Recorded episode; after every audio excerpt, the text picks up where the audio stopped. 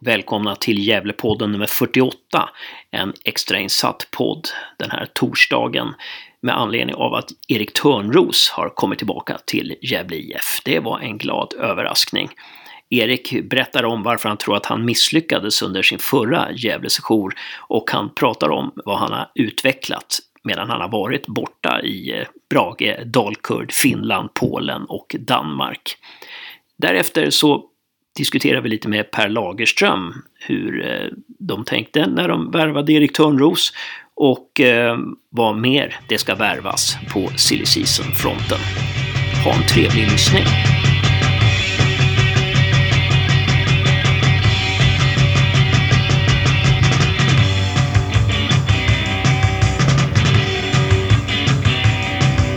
Välkommen tillbaka till Gävle IF, Erik Törnros. Ja, tack så hemskt mycket. Det känns otroligt skönt att vara hemma igen. Ja, vad roligt. Och första gången i Gävlepodden, eh, men inte sista. Det känner vi på oss. Nej, det hoppas jag också. Men det är i alla fall podddebut för mig, så det är alltid spännande. Ja, kul. kul. Och jag heter Hasse. Och jag heter Josef. Oj.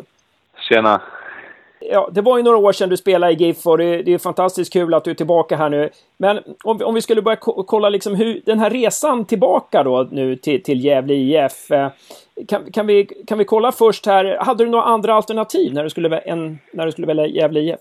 Ja, jag hade andra alternativ eh, som dök upp nu under, det var väldigt hektiska dagar med eh, när vi, jag och min klubb i Danmark kom överens om att jag, jag och klubben ville eh, liksom eh, se över alternativ, vad som var bäst för mig och vad som var bäst för klubben och så. Och då hörde min agent av sig till mig och sa att det är det här som finns just nu. Och väldigt lockande alternativ som var då. Varav ett var från Asien som hade kunnat förändra hade kunnat förändrat mycket ekonomiskt. Alltså att få ett mångmiljonbud från eh, Asien, är, det är inte, det är inte man, man bara liksom tänker nej, nej, nej, nej, utan det är någonting som wow, vad var det som kom in här liksom. Men sen eh, kom Gävle in i bilden ganska snabbt efter det. För de hade bokat en resa till mig till Asien redan. Men när Gävle kom in i bilden så då satt jag och min agent ner och sa verkligen, men nu lär vi tänka liksom. Vad är det du, vad är det du vill? Och vad är det du känner? Och liksom, då var... Alltså en normal agent hade väl säkert pushat för Asien, för då hade ju han också fått mycket pengar liksom. Men eh, han visste vad jag egentligen velat. Liksom att mm, jag, jag ville ha trygghet. Jag ville komma, alltså jag ville verkligen komma hem till vilket pris som helst liksom. För jag, jag kände mig inte klar i Gävle. Jag, det var som jag sa i tidningen, att jag har varit på standby sen jag lämnade GIF liksom. Jag har varit besviken över att jag inte uträttade mer i Gävle än vad jag gjorde. Och det liksom berodde mycket på mig också. Och det var just den motivationen som gjorde att jag får titta bort helt och tänka från hjärtat, vad är det jag vill? Och då var det väldigt enkelt val för mig och min agent att vi, vi kör på Gävle. Var det något speciellt Gävle sa för att övertyga dig? Eller var det bara att du ville? Nej, det var, det var, det var, det var verkligen inte Alltså något som de sa, alltså det räckte för mig att de eh, vill, var intresserade av mig och ville se mina tjänster i Gävle IF igen. För mig var det eh, mer, mer, än, eh, mer än nödvändigt liksom. För jag har alltid velat spela i Gävle igen.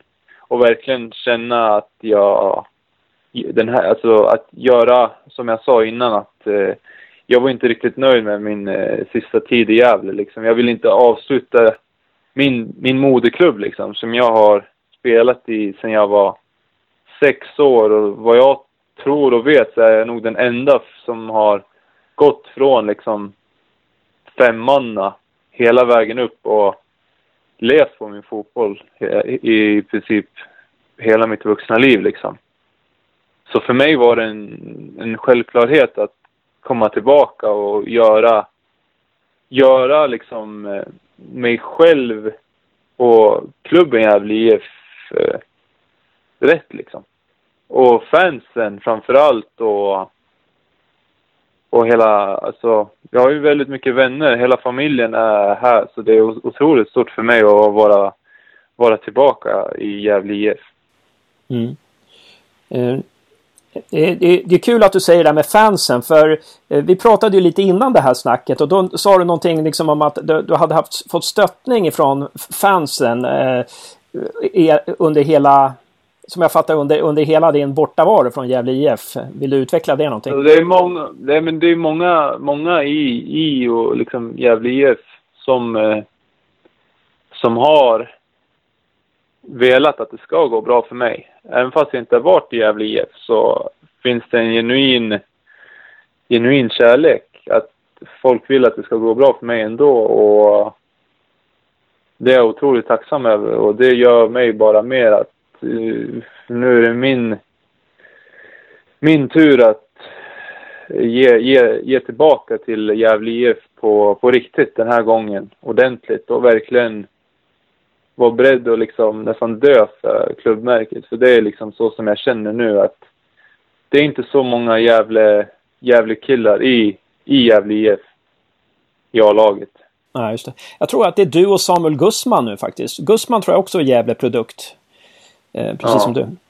Eh, men om du tittar på, tillbaka på det, intressanta här att du nämner din, din, din Alltså, du kände att du inte hade gjort att du hade kunnat göra mer, eller hur du uttryckte det, när, när du var i Gävle mm. senast. Var det någon ja. säsong, var det någon säsong, några matcher där du kände att ah, där tog jag inte chansen, jag skulle ha tagit chansen där? Alltså det var nog en eh, alltså, alltså kombination av mycket. Du vet att det gick väldigt snabbt för mig. Du vet, eh, jag kom upp och gjorde mina första träningar när jag var 16. Och när jag var 17 så fick jag starta redan på försäsongen och gjorde mål och liksom var iväg till Werder Bremen och fick erbjudande och alltså sådana där saker. Att jag verkligen var på väg någonstans och liksom kände att fan jag är ju alltså jag kanske är för bra för mig, alltså jag, jag trodde att jag var bättre än vad jag var. Är du med vad jag menar? Och, och i den vevan när det gick bra för mig så är det någonting jag har lärt mig nu att många unga spelare, vilket jag själv, har för bråttom. Och det var väl det som var problemet med mig i Gävle, att jag var liksom inte nöjd med att vara i en allsvensk klubb när jag var 17 och det var väl det som jag ångrar idag, att jag hade för bråttom. Sen så hade jag ju jävligt otur när jag bröt foten och var borta ett år liksom. Och det var väl det som förstörde mycket med min sista tid i Gävle. Det var väl att i mitt huvud, efter att jag var, det varit borta ett år, att jag, att jag var samma spelare som när jag var innan skadan liksom. Och det var jobbigt. Och liksom att man att man inte kunde göra exakt de här sakerna som man, man ville göra. Eller ha, ta den här utvecklingskurvan som man hade sett framför sig liksom. Och det var väl där det började gå sämre och sämre. Alltså det var, det var, in, det var inte bra på slutet. Ja, just det. Jag kommer ihåg en... Var ja, ja, förlåt. Nej, men det var bara frustration. Och det var det som var tråkigt. Jag kommer ihåg, jag, jag har för mig att du hoppade in i den här 5-0 matchen mot Göteborg 2012. Mm. Eh, och eh, visst gjorde du det va? Jag tror att du hoppade ja, in när, exakt, exakt, när det stod 4-0 och så var du med i förspelet till 5-0 målet. Ja, exakt. Eh, och det, och det, där, bara den lilla, det lilla inhoppet du gjorde där vittnade om otroliga kvaliteter alltså. Eh, jag menar alltså, eh, så att, eh, men var det efter det som du blev bröt foten eller? Hur var det där? Du, jag, jag kommer inte riktigt ihåg, men det var liksom sista, sista tiden. Alltså, liksom att man... Det funkade liksom inte längre. Och det var... Ja, det är svårt att säga vad det var som var, vad det var som gick fel liksom. Men en del, en del är väl att jag, att jag bröt foten och att jag inte ändrade min mentala bit, att jag var kvar i var kvar i samma inställning som jag hade innan. Liksom. Var det här mentala lite att du kände att jag var nära Werder Bremen? Och de andra anfallarna ja, hade aldrig varit alltså, där? Nu, om, man ska prata, om man ska prata ärligt nu så var det väl, du har faktiskt rätt där liksom att från att vara nära en sån stor klubb och spela liksom till att vara liksom inte med i truppen i Gävle precis efter skadan och vilket jag nu, när man tänker efter så skulle jag bara liksom kört på, kört på, kört på och verkligen förstått att men jag har ju varit skadad. Men den Erik då tänkte bara, vad fan nu är jag frisk, nu ska jag spela. Och det förstörde lite för mig också mentalt med tanke på att jag ville, att jag var så besviken på mig själv och alltså sådana där saker. Även fast jag skulle bara haft liksom tur att jag kan spela fotboll igen. För många sa att eh, det har blivit så mycket fel i den här operationen att vi har alltså, satt för liten skruv så att benet har inte läkt och sådana där. Så det var ju, de sa att du kanske inte kan spela fotboll igen liksom. Och det var väl, eh, det var en väldigt jobbig tid och men eh, jag gick ändå stark ur det. Och idag känner jag att jag har mer med mig i ryggsäcken eftersom jag har varit med om väldigt mycket. Jag är ändå bara 24 år och jag tror att jag är inne på min nionde... Jag började med A-laget när jag var 16. Nionde säsong, tror jag, om man räknar. Ja, det är jätteintressant och jag tänkte vi ska komma till din utveckling så småningom. Jag tänkte på en sak, mm. jag tänkte på Chucho Chakasoa som är i eh, Gävle IF nu. Han var, han var ju nära Celtic, ungefär den ålder där du var nära Werder Bremen. Och, och ja. det, det, det, känns liksom som, tro, eh, jag bara tänkte på det nu. Tror du att du skulle kunna vara något slags lite mentalt stöd för Chucho där? Att, eh, för han har ju också haft här, varit med i pojklandslaget och haft ganska stora liksom, förhoppningar på sig. Och, ja, kanske har lite svårt att få till det nu. Eh, tror du att du skulle kunna vara liksom, någon stöttning för honom där? Eller? Nej, men det tror jag absolut eh, att, jag, att jag kan vara. För eh, under mina tid jag har varit borta i Gävle IF så vet jag inte hur många ungdomar i Gävle som har, som har skrivit till mig. Och när jag är hemma, när jag är hemma på semestrarna så spelar jag fotboll med, med massa ungdomar som spelar i Gävle IF och även andra klubbar i, i eh, i Gästrikland och försöker alltid hjälpa till för jag känner, känner mig känner mig in i dem väldigt bra. Alltså typ så jag förstår, jag förstår dem väldigt bra liksom. Och det är väl det jag känner mig när jag kommer tillbaka till Gävle nu att att jag verkligen vill vara en förebild för alla ungdomar i Gävle IF och verkligen vara ledaren ute på planen som verkligen krigar för Gävle IF. Och det är väl det som betyder för mig, det är väl det som betyder mer för mig nu än när jag var 17 när jag tänkte att ja, en överstegare eller en bicicleta var viktigt. Nu är det liksom laget före jaget känner jag. Och eh, det kändes som att det var någon dispyt mellan dig och GIF tidigare när du lämnade. Och Kallbäck skrev på Twitter att du aldrig skulle kunna spela i Gävle igen och så var du blockad på Twitter. Vad handlar det om? Ja, Du, det har faktiskt inget svar över det. det. Jag vet inte, jag tror att det måste ha blivit ett, alltså ett misstag eller någonting. För sån, sån, eh, sån känsla hade inte jag. Den enda känslan jag hade, det var liksom att jag, jag känner mig besviken över, över liksom eh, situationen. Alltså, när man är ung och så, så kan man alltid säga att jag fick inte chansen och sådär och liksom. Så kände väl jag också då. Men eh, om man ska titta, titta tillbaka så får jag bara, bara säga, alltså får jag bara, bara säga, säga att jag ska, att jag har lärt mig och att eh, det var säkert mig det var liksom störst fel på. Att jag, att jag hade för hög tro om mig själv eller någonting. Efter skadan, om man säger så. Innan skadan så kan jag förstå att jag var så som jag var.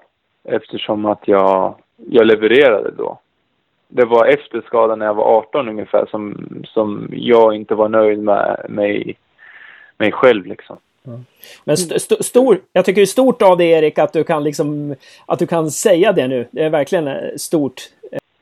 Nej, men det tycker jag också. Det, jag vet också att många som följer Gävle IF, alltså det vet jag på många, alltså andra, andra håll att många har undrat vad som, det har liksom varit en gåta, alltså Erik och Gävle liksom. Så det, det är, det är någonting, alltså bra att berätta också så slipper det vara en gåta så vet alla vad, vad som är och inte liksom. Utan jag har aldrig haft något agg mot Gävle IF utan jag har bara Gävle IF att tacka för. Alltså, de har ändå fostrat mig sedan jag var, sedan jag var sex år och liksom, ja. Och vad har du utvecklat sedan du lämnade Gävle? Det är väl att fått insikt på vad jag är bra på och inte bra på. Jag, alltså, jag var, den här dribblen förr och ville göra de här spektakulära grejerna. Lite, alltså typ så här, tyckte att det var lite coolt och kanske göra en översteg eller något sånt där. Man tittar mycket på fotboll då. I min generation så var det ju liksom Zlatan som var liksom stjärnan. Och, och liksom, det var ju en idol liksom. Men nu på senare tid när man, framförallt när jag kom till Dalkurd, så var det liksom att jag kom till Dalkurd då hade jag ju Andreas Brännström och Poja där. Då var det liksom, Erik du har bra fötter, det är inte det. Men vi, vi har bättre fötter här, så vi vill göra det du är bra på liksom. Det är att du är en targetspelare. Och liksom fått verkligen förtroende att du är topp. Topp i, topp i eh, det, i det spelet liksom. Och att du kan göra mål kan skjuta bra och liksom frisparka. Det är det du ska liksom fokusera på. Och resten får du låta över till någon annan liksom, så blir du en bättre spelare. Och den säsongen så var det väl min, när jag slog igenom lite på senior, för då gjorde jag, var det 11 mål och 7 assist tror jag den säsongen och vi gick upp liksom en Dalkurd när obesegrade under en säsong. Liksom. Efter det så liksom har det gått bra för mig. Och jag är trygg i mig själv vad jag ska göra och inte göra liksom. Och hur kommer det sig att du inte blev kvar, kvar i Dalkurd efter det? Och att du flyttade ner till Brage och sen till Finland? Nej, jag var, jag var, jag var i, innan. i, okay. i Dalkurd och sen så vart jag utlånad till Finland. Nej, alltså det var, jag hade Poja eh, i Dalkurd det året. I Superettan och då, då var det bara så här att Erik, du är vår du är en, en, alltså en toppspelare. Men jag spelar inte på det här sättet. Så att jag kan utnyttja dig på ditt bästa sätt. Och då finns det bättre spelare jag kan använda. Och mer var det inte med det. Jag hade en jättebra relation med Poja. Det var inget alltså, agg eller något sånt där då. Då var det bara helt ärligt och sa att liksom det var... Jag visste att jag inte var dålig. Utan det var bara för lagets bästa så lärde vi spela på ett annat sätt och spela med en, eh, en släpande forward och så en, eh, en kombinationsforward. Så som Dahlqvist spelade då. Då behövde man inte ha den här striken i, som är i, liksom i boxen och ta emot bollen och verkligen är, är den typen av spelare. Och det är jag glad över att, att jag fick veta. För då kunde jag gå ut på utlåning och fick spela mitt spel i Finland och där var det liksom att, ja, de tog mig för den, för den jag var och de behövde mig för den jag var också. Så då gick det väldigt bra. Mm, kul. Eh, för, för, då var det Finland och sen så efter Finland så gick, det, gick du till polska ligan va? Och sen Exakt. Så, och sen så till Danmark. Eh, eh, hur, ja. eh, vad, vad, kan, vad kan du säga att du utvecklade i, i Finland, Polen och Danmark i ditt spel? Som du inte hade tidigare? Mentalt.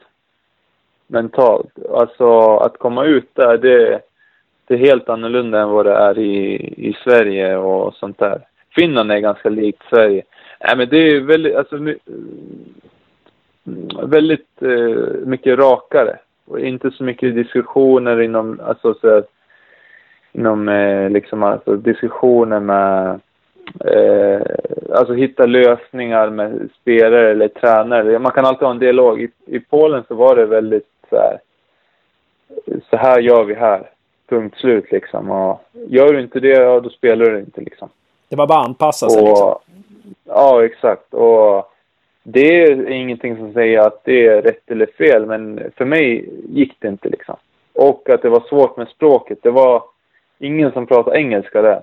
Så det var väldigt svårt att liksom komma in i laget och, och verkligen känna sig delaktig i, i det, det man gjorde varje dag och spela fotboll. Så det var svårt att förstå när man sitter på genomgångar och sånt där när det är bara polska. Och så har man liksom varit där en, en vecka liksom och, och ska försöka förstå liksom. Och det är väl den, det, det klimatet som folk inte kanske tänker på att det är så. Utan det är väldigt, väldigt tufft liksom. Att, eh, ja. Och sen spelade du. Ja jag förstår. Och sen spelade du ett halvår i, i danska andra ligan då? Ja. Eh, ja. Nej men det var, mm. det gick jättebra. Det var, tror jag gjorde sex mål och en assist på första, första, första åtta matcherna tror jag. Då startade jag inte alla heller. Och eh, sen så förlorade vi lite matcher. Och, och vi ändrade lite. Vi gick ifrån eh, två forwards till en forward.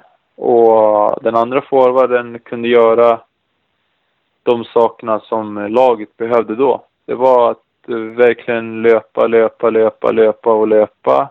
Och ändå vara ja, det är svårt att säga vad, vad han gjorde och inte jag gjorde, utan det var bara att han gjorde det tydligen bättre än mig enligt tränaren och det var inget mer med det, utan det var, det var bara att köra på och verkligen försöka, försöka göra så gott jag kan på träningarna, för det har jag alltid gjort och det har utvecklat mig ändå. Jag visste att jag hade gjort det bra. Jag har eh, överlägset bäst mm, liksom mål, mål per minut i, i, i den, i den eh, ligan efter halva säsongen. Så det är ingenting som jag är missnöjd över min tid där. Det är bättre att känna att okej, okay, de, de vill köra vidare på det här och jag var för bra för att inte spela.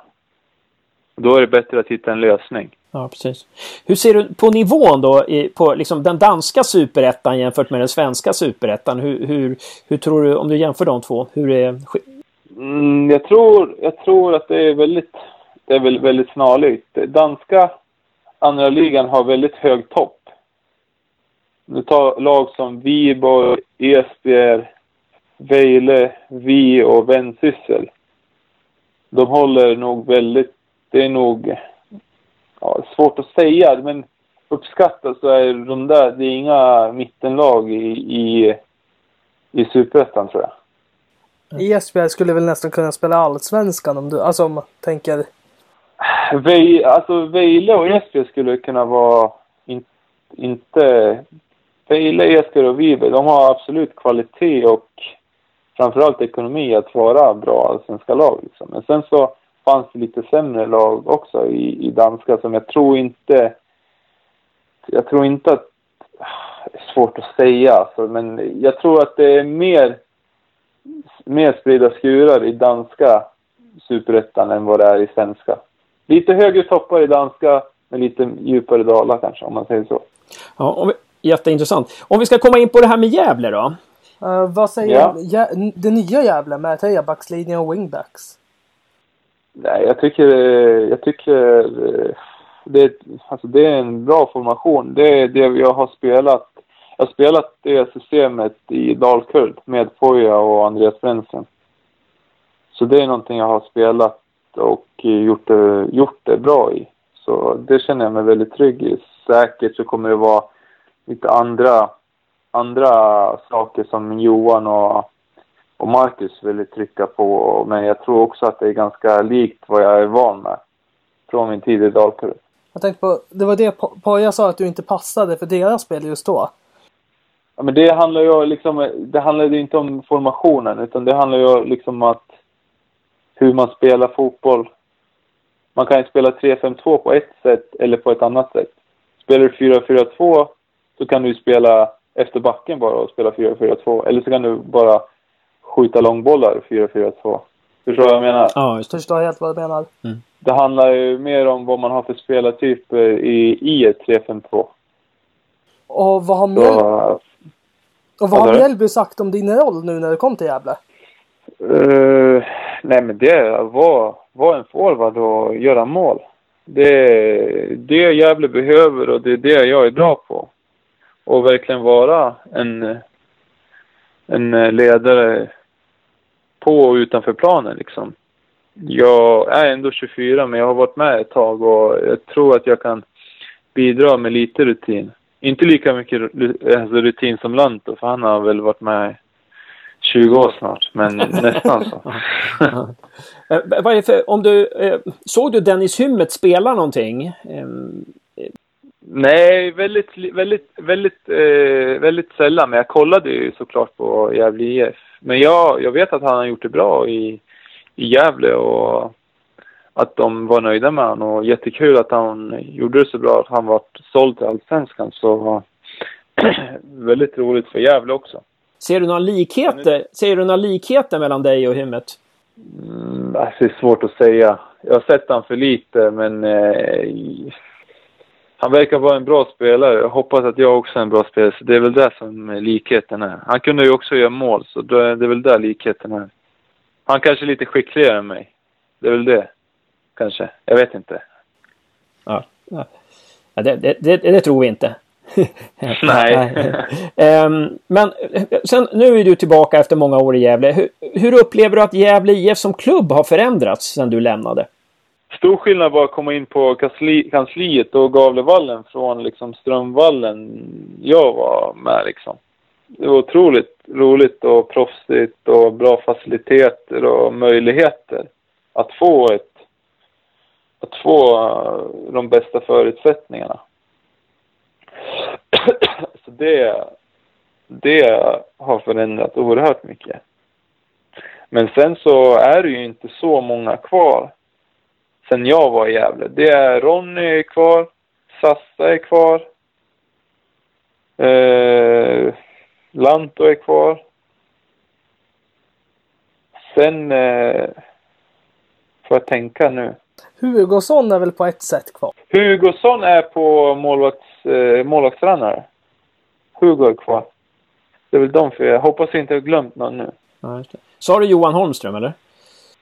Johan Holmström, exakt.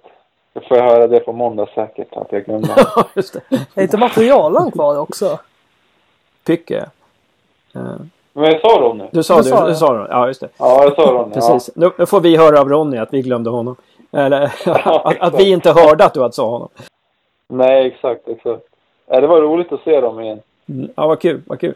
Jag tänkte på en sak du sa tidigare att eh, dina spetskvaliteter och vi har ju sett på Youtube att du har ett jäkla tendens att skjuta långskott. Eh, och GIF har inte varit så bra på frisparkar. Är det någonting du kommer kunna tillföra? Jo, men det hoppas jag. Jag har satt två frisparkar i år av mina mål. Så frisparkar är väl någonting jag är bra på. Kanske jag jinxar det här nu. Sätter ingen på 20 försök nu. Men jag har satt, jag har satt två i år i alla fall. Det, det är väl hyfsat. Och då är det mitt fel för att jag tog upp det. Okej, det är bra. Nej, men kommer du vara med på söndag? Vet du någonting? Jag kommer inte vara med på söndag. Jag, jag lär eh, åka till eh, Danmark och hämta min sambo och våra grejer. Jag, jag kommer inte vara med då. Får träna själv. Ja, just det. Va- När, när kommer du göra din första träning tror du? Jag kommer träna från måndag. Ja, spännande. Eh, just det. Ja, men eh, jag tror att det var det som eh, vi hade på hjärtat helt Yes. enkelt. Eh, Känner du att vi har missat något? Eh, det tror, jag, jag känner mig också, jag känner mig också nöjd. Det är, det är bara att eh, jag vill säga att till alla som lyssnar på det här att jag hoppas att vi kan sluta eh, oss samman och verkligen eh, jobba Gävle IF mot nya höjder tillsammans. Det är väl det. Låter grymt Erik. Helt fantastiskt. Stort tack för att du tog dig tid Erik. Och lycka till. Tack. Tack så mycket. Vi får höra senare. Yes. Ha, ha det bra Erik. Bra. Ja. Hej, hej, hej. Grymt. Hej då, hej då, hej.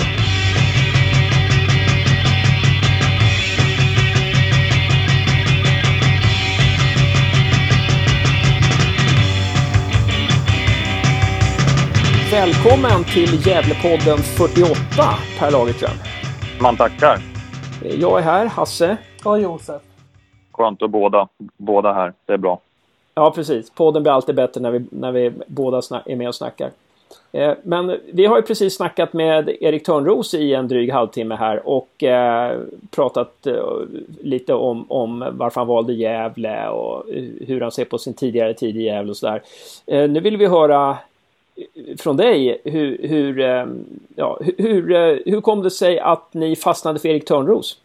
Ja, det, det är ju som vanligt en, en kombination av massa olika delar. Eh, och det är, ju, liksom, det är ju Johan och Marcus nu som, som har sista ordet när det gäller spelarförvärv. Men det är klart att, att, att man som klubb kan tycka att det är lite extra intressant om det är en, en pers person som kommer från Gävle som har spelat i Gävle. Så det, det gör det extra attraktivt. Men tittar vi på Erik så är han ju värvad hit för sina fotbollsegenskaper, som alltid. Eh, och vi, vet, vi har ju sagt att vi, vi saknar ju, om vi tittar i truppen så är det ju framförallt offensiva spelare som vi har lite mindre av. Defensiva, det är där vi letar.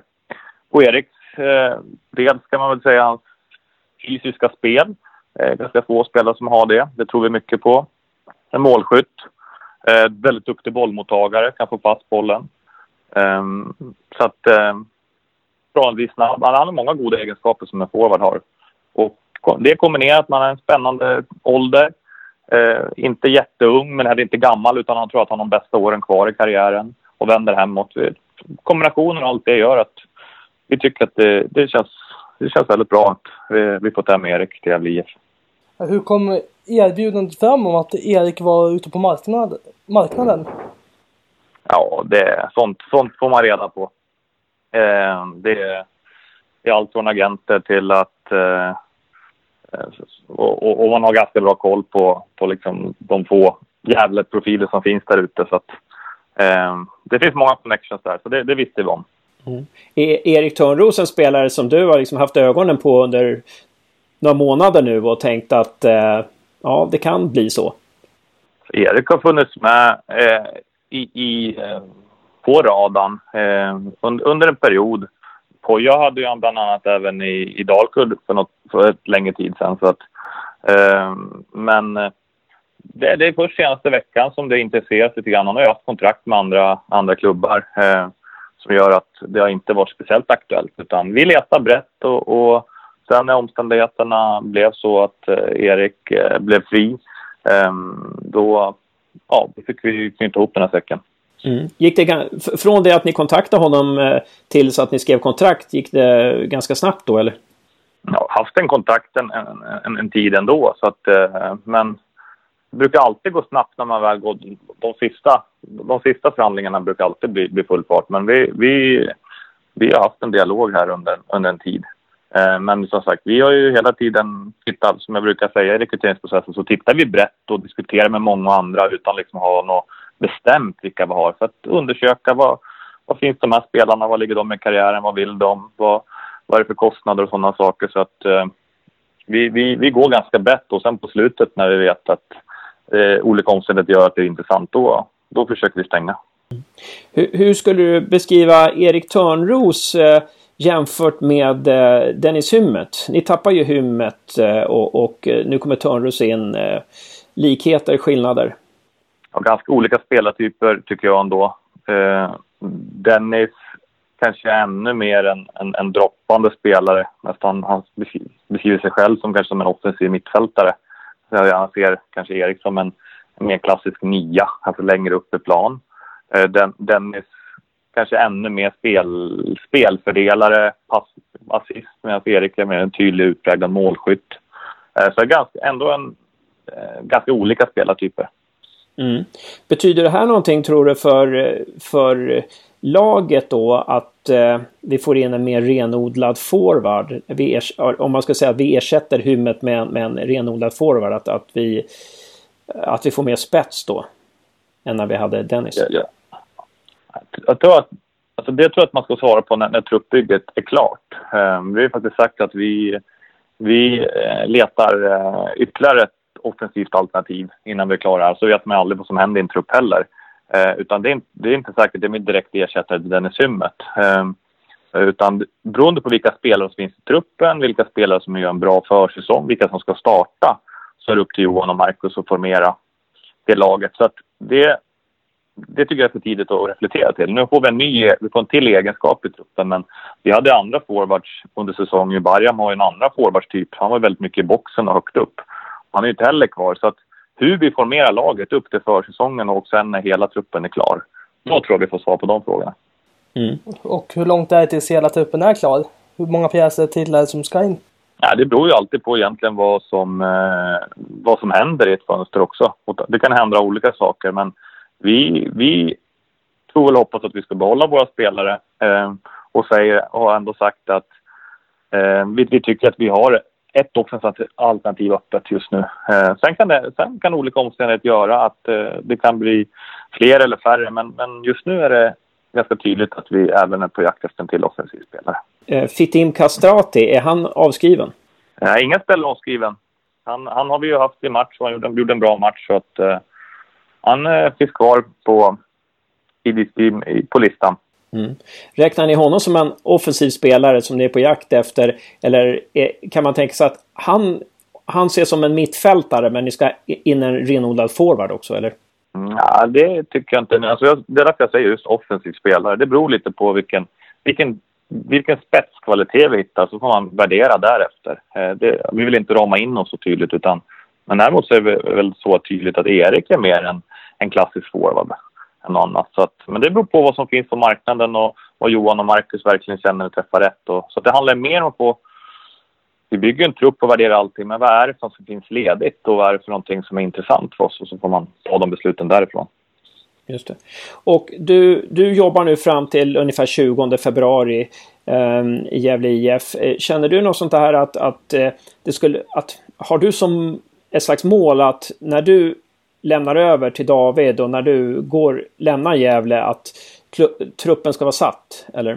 Eh, nej, e-, egentligen inte kan man säga. Jag tror jag jobbar till mitten av februari, får vi se. Men det är ju, transferfönstret är öppet till 4 april. Och jag, min erfarenhet är att jag tror vi tar in Dennis Ymmet 7 mars var förra året. Så att jag ser ingen anledning att stressa det här. Utan det, nu är det bra att vi får in en till offensiv spelare. Det är bra för träningarna. Det är bra för Svenska cupen.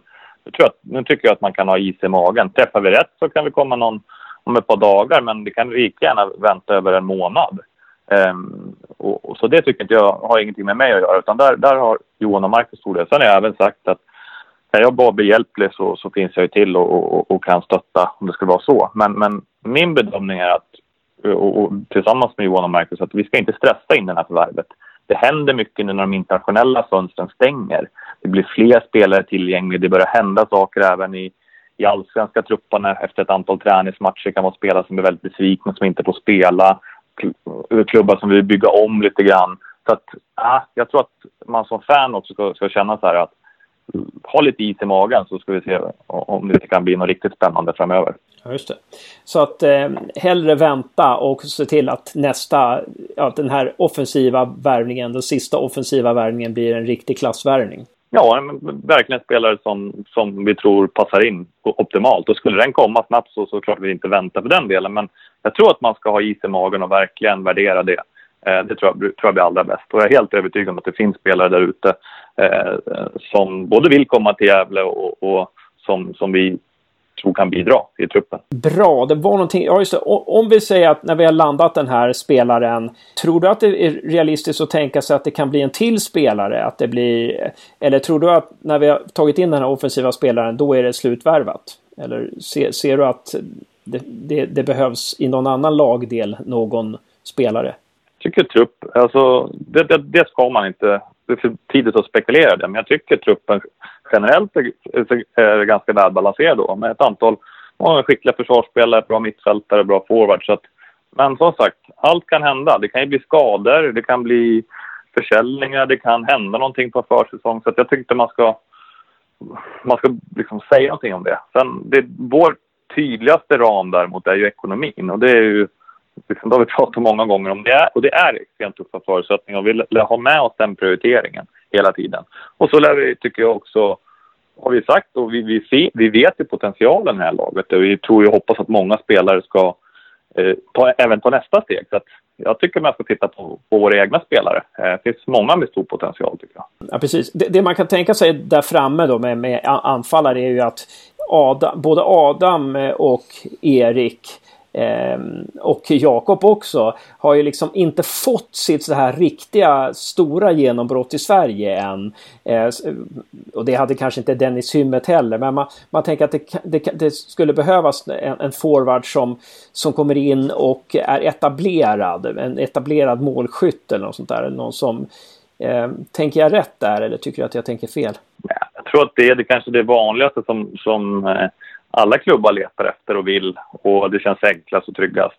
Men det finns en verklighet också att eh, de kanske inte alltid är lediga.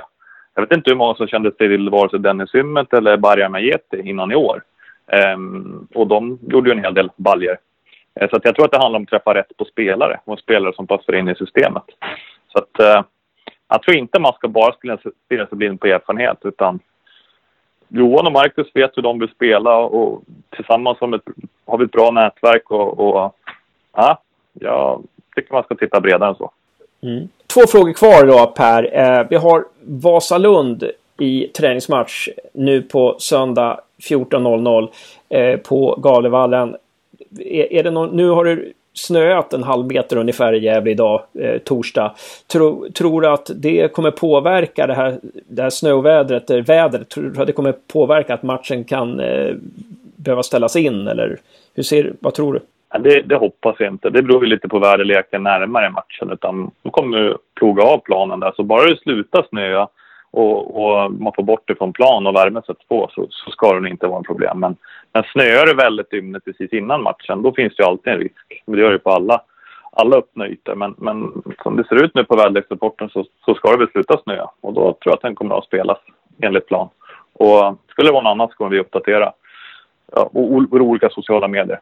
Men jag, jag tror att det blir match.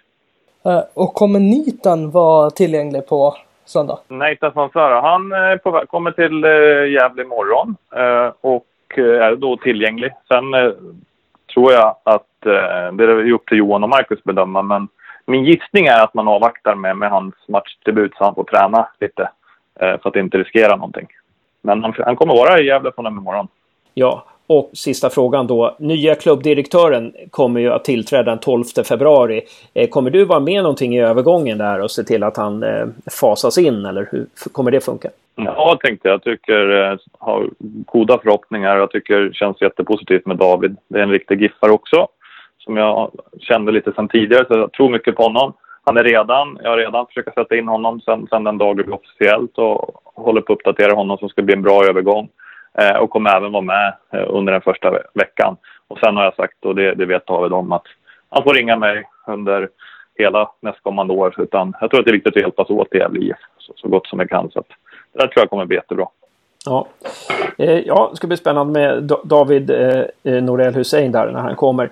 Eh, ja, men stort tack Per Lagerström för att du ställer upp på torsdagskvällen. Ja, tack till er två för ert engagemang för Gävle. Hoppas vi syns då på på söndag klockan 14. Det kan till och med vara inne på vippen och, och, och hänga lite. Det är ju alltid trevligt. Får man gå ut när matchen slås igång. Ska på så ordentligt.